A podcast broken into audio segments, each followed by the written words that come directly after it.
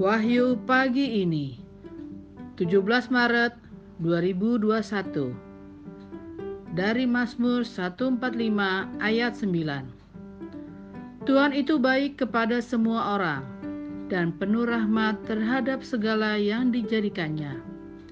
Saudara-saudari terkasih, seperti pemazmur, mari kita semakin peka melihat kebaikan Tuhan dalam diri sesama dan alam ciptaannya. Selamat pagi, Tuhan memberkati.